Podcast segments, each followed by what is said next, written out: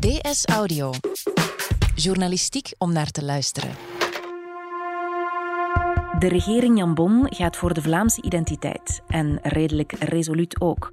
Een van de meest besproken passages in het Vlaams regeerakkoord is de kanon die er moet komen. Een lijst van ankerpunten in de Vlaamse cultuur en geschiedenis. En dat roept weerstand op, veel weerstand. Voor historicus Mark Reinebo zit er zelfs de kiem in van een cultuuroorlog. Dat schreef hij deze week in een column in de krant. In deze opiniepodcast geeft hij meer uitleg. Het is vrijdag 4 oktober. Ik ben Nele Eekhout en van op de redactie van De Standaard is dit DS Audio.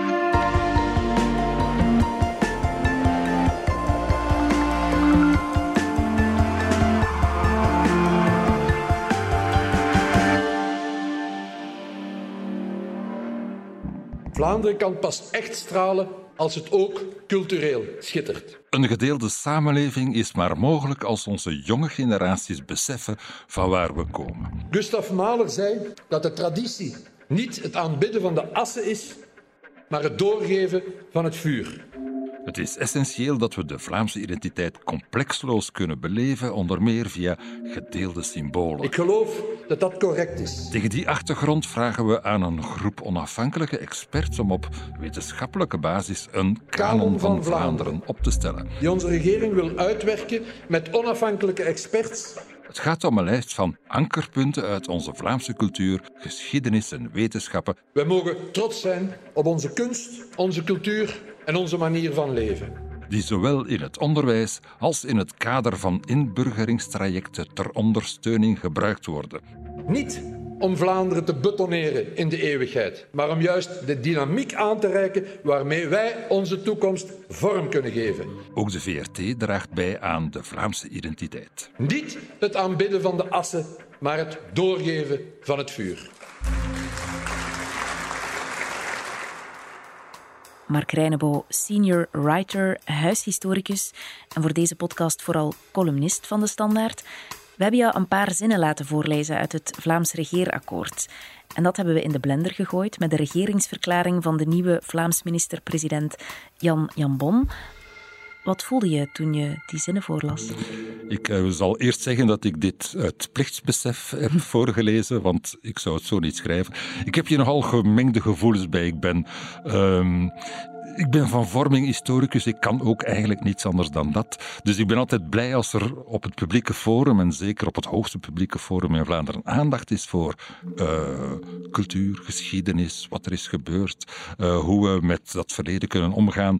Aan de andere kant uh, is ongeveer alles wat hier in deze tekst wordt geformuleerd, en hij komt uit het Vlaamse regeerakkoord, eh, strijdig met wat voor mij opvattingen over geschiedenis zouden kunnen zijn of zouden moeten zijn, hoe we op een gezonde manier moeten omgaan met dat uh, verleden. Daarover hebben we het zo meteen.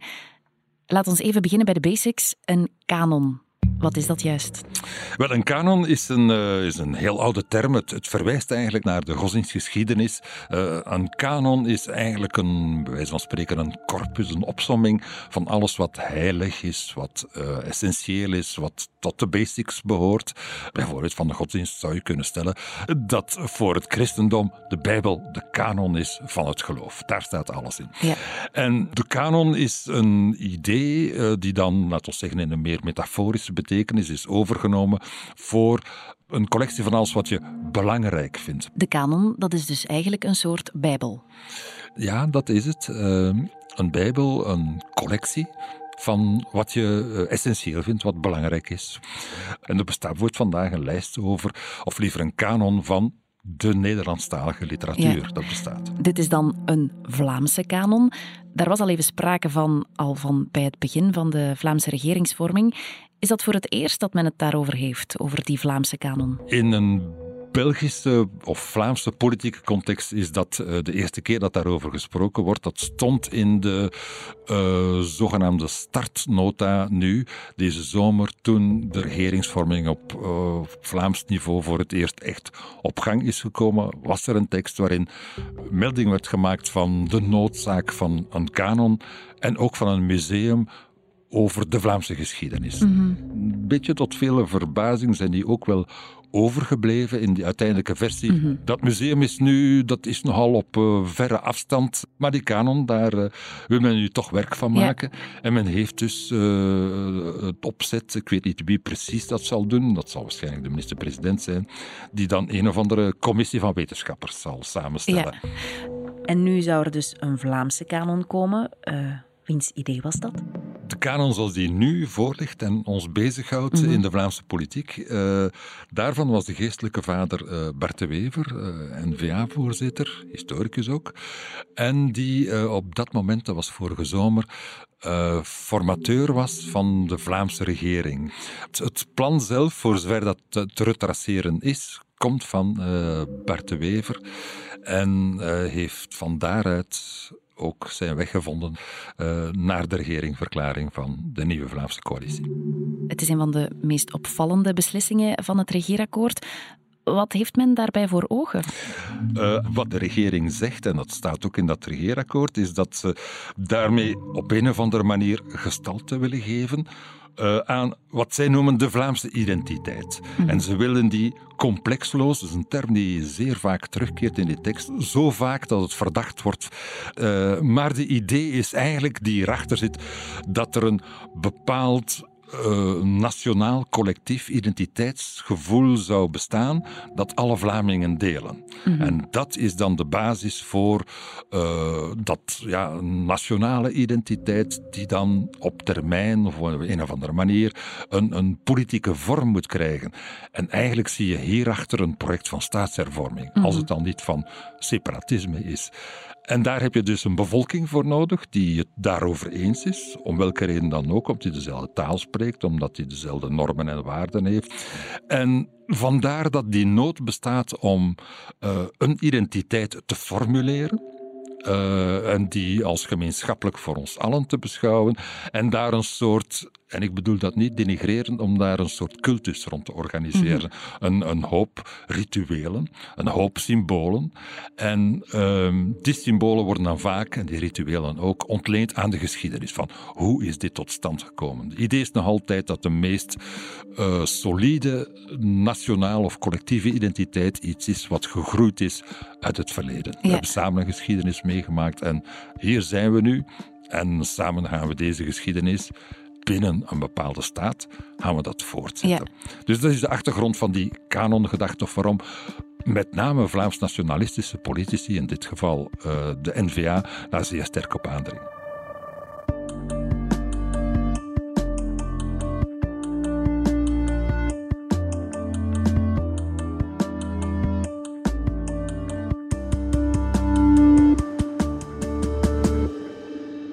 Hebben we al een beeld van uh, welke elementen onze identiteit concreet moeten gaan vormen? Zijn er, zijn er al dingen die er 100% zeker in komen? Uh, dat zal ten eerste van afhangen hoe, hoe je dat precies wil doen. Althans, hoe, hoe lang of hoe uitgebreid dat mag zijn. Als je maar tien dingen mag noemen, dan uh, ja, moet je veel selectiever zijn. Mm -hmm.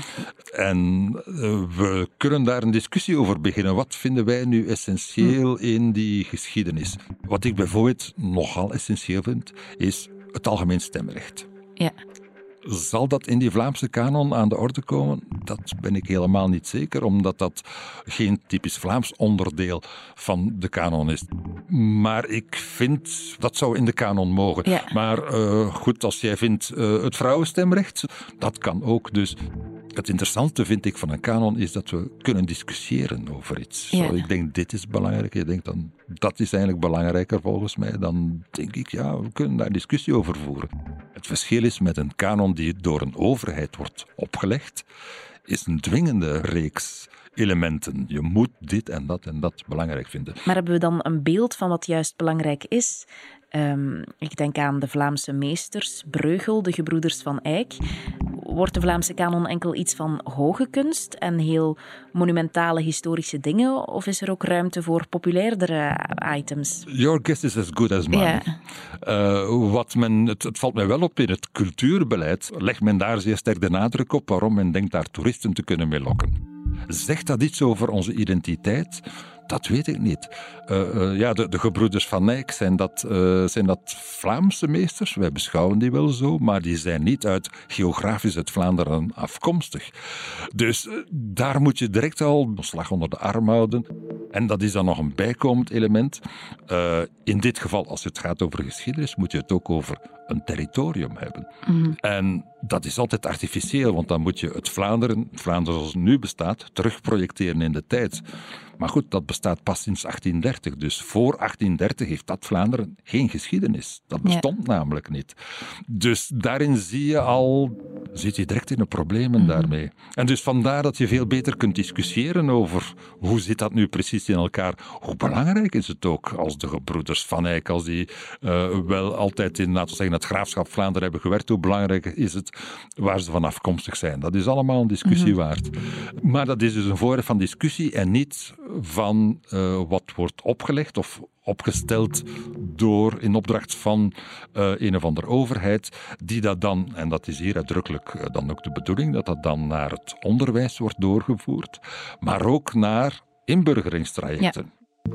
Wanneer hier nog wat Syrische vluchtelingen arriveren, moeten die dan ook beginnen de Vlaamse meesters uh, bestuderen. Mm -hmm. en, en ja, dan, dan ga je toch wel vergaan in het opleggen van een bepaalde visie op geschiedenis. En zeker als daar punten op staan, bij wijze van spreken, enfin, het zal letterlijk zo zijn wanneer het in het onderwijs zo is, dan uh, is daar geen discussie meer mogelijk. Dan moet je dat slaafs volgen. Ja. En daar beginnen dan uh, grote uh, intellectuele problemen, die, ja. waarvan je niet kan doen dat ze niet bestaan. Mm -hmm. Je zei daar kan over gediscussieerd worden. Je zei ook, als men mij vraagt om daarover te gaan nadenken. Ja. Wie gaan ze daarover vragen? Wel, dat weet ik dus niet. Hè. Ik, ik uh, het, het, voordeel is dat men al niet ervan uitgaat dat de politiek het zelf zou doen. Mm -hmm. Want dat zou je in een Vlaamse context kunnen doen. Ja, de ijzertoren is belangrijk. Ze hadden hem nu al kunnen samenstellen uh, hadden, en Ja, dat had natuurlijk best gekund, mm -hmm. maar wie dat zal doen, men zegt dat het dus wetenschappers uh, zullen zijn. Mm -hmm. uh, enfin, dat moet op een wetenschappelijke basis uh, gebeuren. Ik stel mij daar historici bij voor. Dat zou je kunnen denken. die hebben daarvoor gestudeerd. Voilà.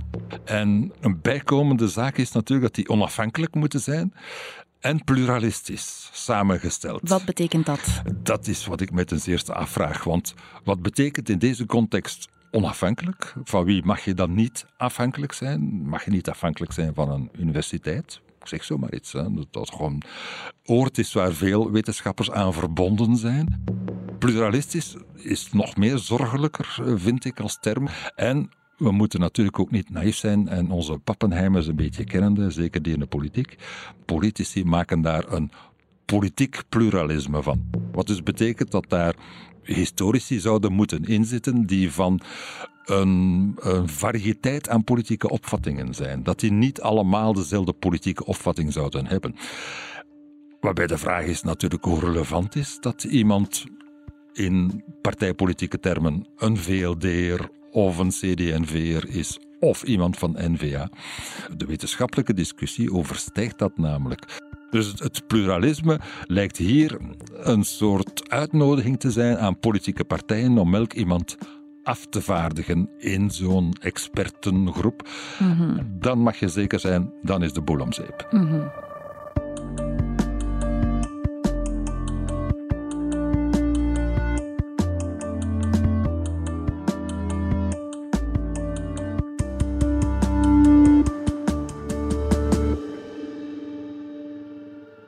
Commissie die het moet gaan doen wordt omschreven als onafhankelijk en pluralistisch samengesteld, uh, wetenschappelijk ook.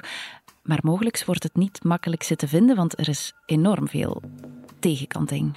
Ja, ik ben toevallig de, de, de voorbije dagen uh, wat onder historici. Uh, op café geweest, laat ik mhm. het maar zo zeggen. En dat is natuurlijk een thema wat hen al bezighoudt, omdat ze weten dat dit in aantocht was. En het aanvoelen dat ik had, is dat veel historici, uh, en met name academische historici, hier zeer huiverig tegenover staan. Niet zozeer tegenover het principe, maar wel tegenover de manier het wordt, uh, hoe het zou kunnen worden ingezet en gebruikt. Omdat laat ons zeggen, historici zijn notoire ruziemakers. Die hebben voortdurend discussies over van hoe moeten we dit interpreteren, wat betekent dat, hoe zit dat allemaal in elkaar. Uh, en wat is belangrijk, is ook nog zo'n discussie. En vinden we iets belangrijks om het te onthouden of niet? Daar hebben ze voortdurend discussie over en dat is hun vak. Uh, dat is wat zij doen. De manier waarop de Vlaamse regering, uh, en dat, fijn, dat doemt nu een beetje uit de mist op, want we weten dat nog niet zeker wat ze daarmee van plan is, maar de manier waarop de Vlaamse regering dat wil doen, is eigenlijk net het omgekeerde daarvan. Niet het onderwerp opengooien om erover te discussiëren, maar het net sluiten om dat zo uh, vast te leggen. En door te geven niet alleen aan uh, kinderen in het onderwijs, maar dus ook aan mensen die willen inburgeren, bijvoorbeeld. Ja. Dus dat betekent dat je met een vaste lijst zit waarover je niet kan discussiëren. En het is inderdaad zo dat veel historici niet van plan zijn om daaraan mee te werken. Mm -hmm. En dat wordt nu wel interessant om na te gaan, stel dat het ooit zover komt, want dat wil ik ook nog allemaal zien, dat er zo'n commissie wordt opgericht, dat er criteria zijn om uh, te bepalen wie daarin zal zitten wie er bereid zal zijn om daaraan mee te werken Ja. en, en, laten we zeggen, ook zijn wetenschappelijke serieus aan te verbinden. Je hebt het al een beetje aangegeven, maar dus er is al veel over gediscussieerd geweest. Ze gaan nog discussiëren wie erover moet gaan discussiëren. Ja. Uiteindelijk zal hij er komen, de kanon. Misschien. Maar en dan? En wat, dan- wat gaat dat betekenen voor mij in mijn leven? Ik, hoop voor jou eh, dat jij gelukkig bent en dat het dus niet vre- vreselijk eh, veel moet betekenen voor jou. Maar het is inderdaad wel de bedoeling om daar een soort, eh, ja, hou vast in het geschiedenisonderwijs van te maken. En, en hier zie je dus wel dat zo'n kanon, als die echt, laten we zeggen, opgelegd wordt aan het onderwijs, ja, is sturend. Hè. Dit- Dat, dat eh, zegt, dit is belangrijk. En een van de dingen die mij eraan storen, of eh, waar ik altijd een, een, een, eh, een aarzeling tegenover heb, dat is, eh, je kan natuurlijk zeggen, dit en dat is er gebeurd in de geschiedenis, maar even belangrijk vaak is wat er niet is gebeurd. Niet de grote successen, maar de grote mislukkingen, want die zeggen ook veel over onze geschiedenis, de doodlopende straatjes in de geschiedenis.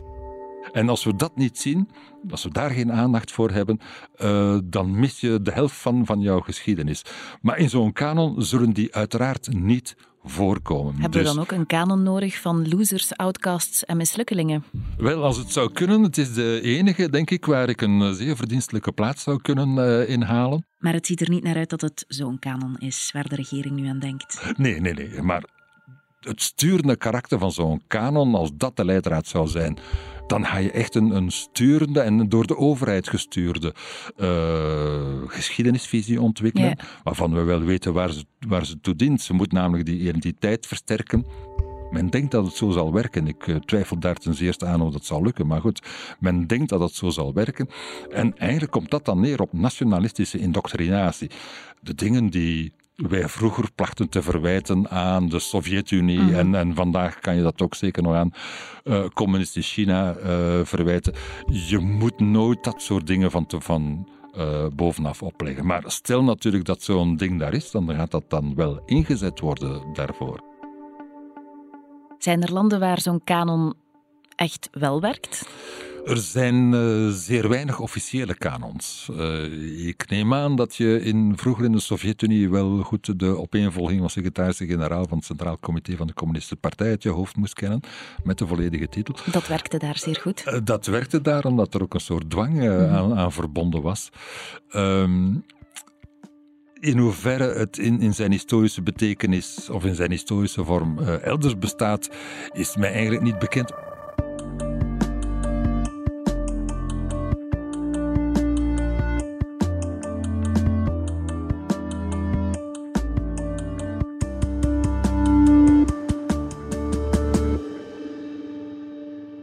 Hebt er een column over geschreven. Ehm, je hebt het daarin zelf over het begin van een Vlaamse cultuuroorlog. Ja, Dat zijn heftige woorden. Dat zijn heftige woorden. Het, het, er is namelijk nog een extra probleem mee. Uh, wij zitten vandaag in een uh, maatschappelijke, politieke context waarin uh, dus er grote discussies bestaan. Dat zijn legitieme discussies over identiteit, over um, hoe moeten wij ons organiseren, waar, op grond waarvan organiseren wij ons, hoe uh, uh, zoeken wij een plaats in de wereld. Dat is allemaal interessant. Het probleem begint altijd wanneer. Um, daar dwang wordt in opgelegd. Dat je daar zelf niet meer kan of mag over nadenken. Dat, er iets, dat het iets is wat jou wordt opgelegd. Je bent een Vlaming en als Vlaming betekent dat je dit en dat allemaal belangrijk moet vinden en dat en dat niet. Dat is dan ongeveer in zijn bijna karikaturale vorm uh, wat zo'n verplichte uh, identiteit is die dan meegestalte krijgt in zo'n... Uh, in zo'n kanon, mm -hmm. die iedereen op school moet, uh, bij wijze van spreken, van buiten leren. Dus dat is het probleem daarmee. Nu, bij ons, we zijn een democratische uh, samenleving. De dingen gaan altijd een beetje trager, er zijn overal buffers. En het, het viel mij op dat die uh, kanondiscussie, ja, die is dus al een tijdje bezig. Ze heeft een aantal jaren geleden was er een, ook al zo'n kanondiscussie, maar in een heel andere context, omdat met name in Nederland uh, er al zo'n kanon was gemaakt geweest.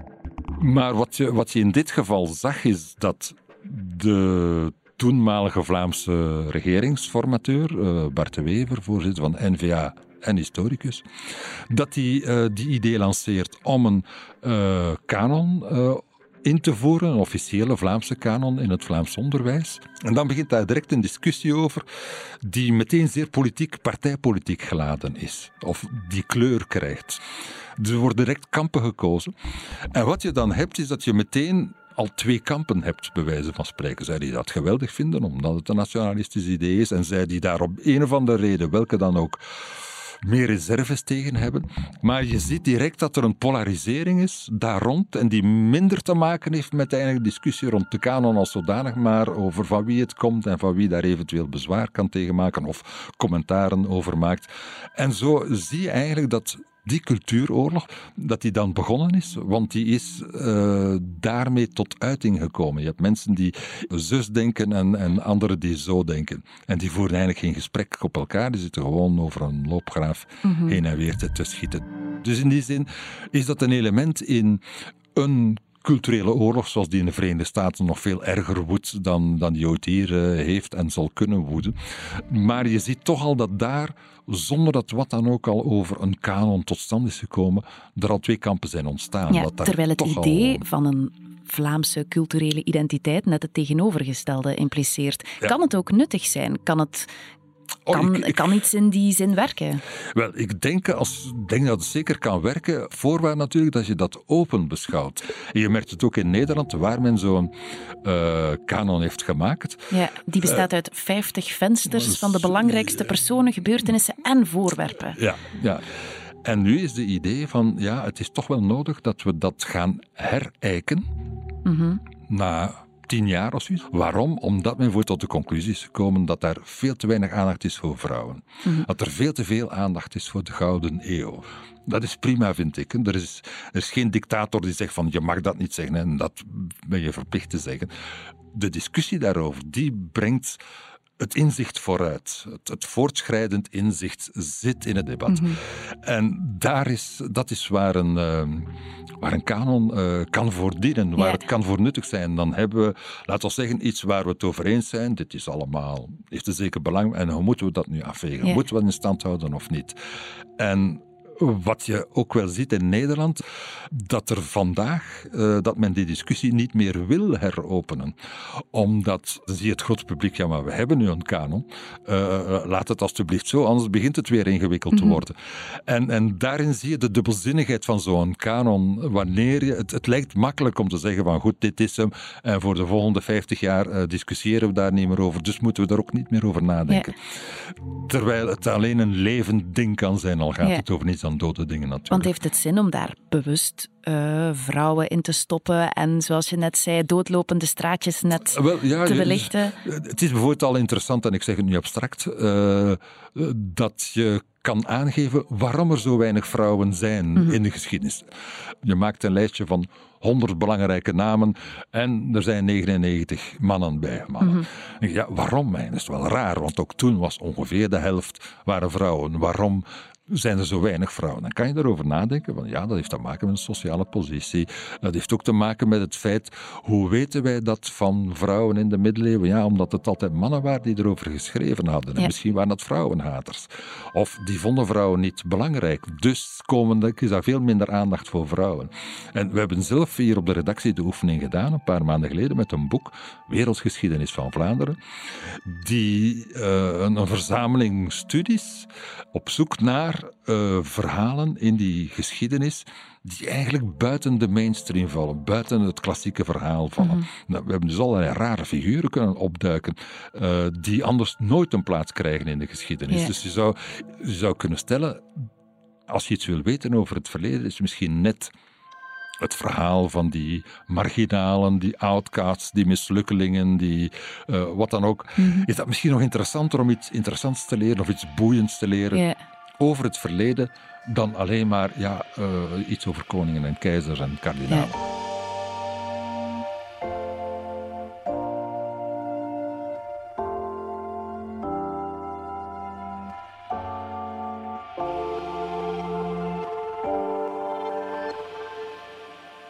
Wat ook opviel in het stukje regeerakkoord dat, je net, eh, dat we je net lieten voorlezen, is dat de VRT praktisch in één adem wordt genoemd met die kanon. Hoe opmerkelijk is dat? Dat de media daar ook aan moet meehelpen aan die vorming van een Vlaamse identiteit? Dat is zeer opmerkelijk. Ehm, als je het zinnetje helemaal op zichzelf uh, neemt, uh, klopt het als een bus. Namelijk, de VRT draagt bij aan de Vlaamse identiteit. Dat is zo. Als je de Vlaamse identiteit wil zoeken, dan moet je hem onder andere in uh, de VRT zoeken. Je zou zelfs kunnen stellen dat de openbare omroep uh, historisch gesproken zelfs de taal heeft gevormd. Als wij spreken zoals wij spreken, dan is dat het zogenaamde, zoals dat vroeger heette, het BRT-Nederlands. De gemeenschappelijke taal, wat dus medetalige identiteit van Vlaanderen uitmaakt en die ook verschilt van die in Nederland, is via uh, radio en televisie uh, tot stand gekomen. En je zou kunnen zeggen, het feit dat uh, ja, thuis bijvoorbeeld, een dagelijks feuilleton, ehm, zegt iets over de Vlaamse identiteit. Is dat zo dat de doorsnee Vlaming zich gedraagt? Waarschijnlijk niet, maar het geeft daar een soort karikaturale versie van. Dus in die zin kan je stellen, de VRT, ook als meest populaire uh, televisiezender, uh, dat die uitdrukking heeft van wat de meeste mensen graag hebben, wat zij graag zien. En uh, dus in die zin klopt het als een bus, de VRT draagt bij aan. Maar het is natuurlijk een sociologische vaststelling wanneer het in een uh, regeerakkoord staat, is het natuurlijk geen sociologische vaststelling, want dat is niet waar regeerakkoorden uh, zich mee bezighouden. Hier is het een opdracht. Het wordt een beetje sturend? Het is, het is erger, het is bevelend. Mm Het wil dus zeggen dat uh, de Vlaamse overheid, de Vlaamse regering, die de financier is van de VRT, ja, dat die allerlei uh, opdrachten gaat geven, of althans nauwlettend in de gaten zal houden uh, wat de VRT doet en uitzendt. En uh, op een aantal andere plekken in het regeerakkoord is het nog veel explicieter dan, dan het hier staat. Maar dat betekent, als je dit combineert met die kanon, wil dat dus zeggen dat de Vlaamse regering zich een idee vormt, zal vormen, of al heeft gevormd, van wat um, de Vlaamse identiteit is. Dat hij een bepaald aantal kenmerken uh, kent en dat die tot uitdrukking moeten komen in wat de VRT toont en niet toont. Maar in elk geval uh, kan je hier zien, en dat is een tijd ook wel zo geweest, dat dus de VRT wordt geacht programma's uit te zenden, ook in fictie, die ja, een bepaald beeld van de Vlaamse identiteit geven en waarvan je kan vrezen dat zal een tamelijk clichématig beeld zijn van de Vlaamse identiteit. Dat is al zo geweest in, laten we zeggen, de jaren 60 ongeveer, dat, uh, dat je zowel in, uh, op televisie als in de filmproductie ja, veel, altijd boerenfilms had. Mm -hmm. Er zijn allerlei spullen verfilmd geworden, van Streuvels, van Klaas. En wat is dat dan vandaag? Is dat Frank Bomans? Uh, vandaag is dat Frank Bomans, veronderstel ik. Dat is die van thuis. Hè? Ja. Uh, ja, ja, dat zou kunnen. Maar in elk geval is het zo dat je toen zo'n een, een, een, duidelijk accent had op die Vlaamse literaire traditie die werd verfilmd. En ja. dat was ook de, de, het zwaartepunt in, in de, de filmsubsidies. Uh, maar dat waren toen grote, grote evenementen die ook werden geacht een uitdrukking te zijn van onze identiteit zoals die historisch was gegroeid. De mhm. Vlaamse boerenfilm.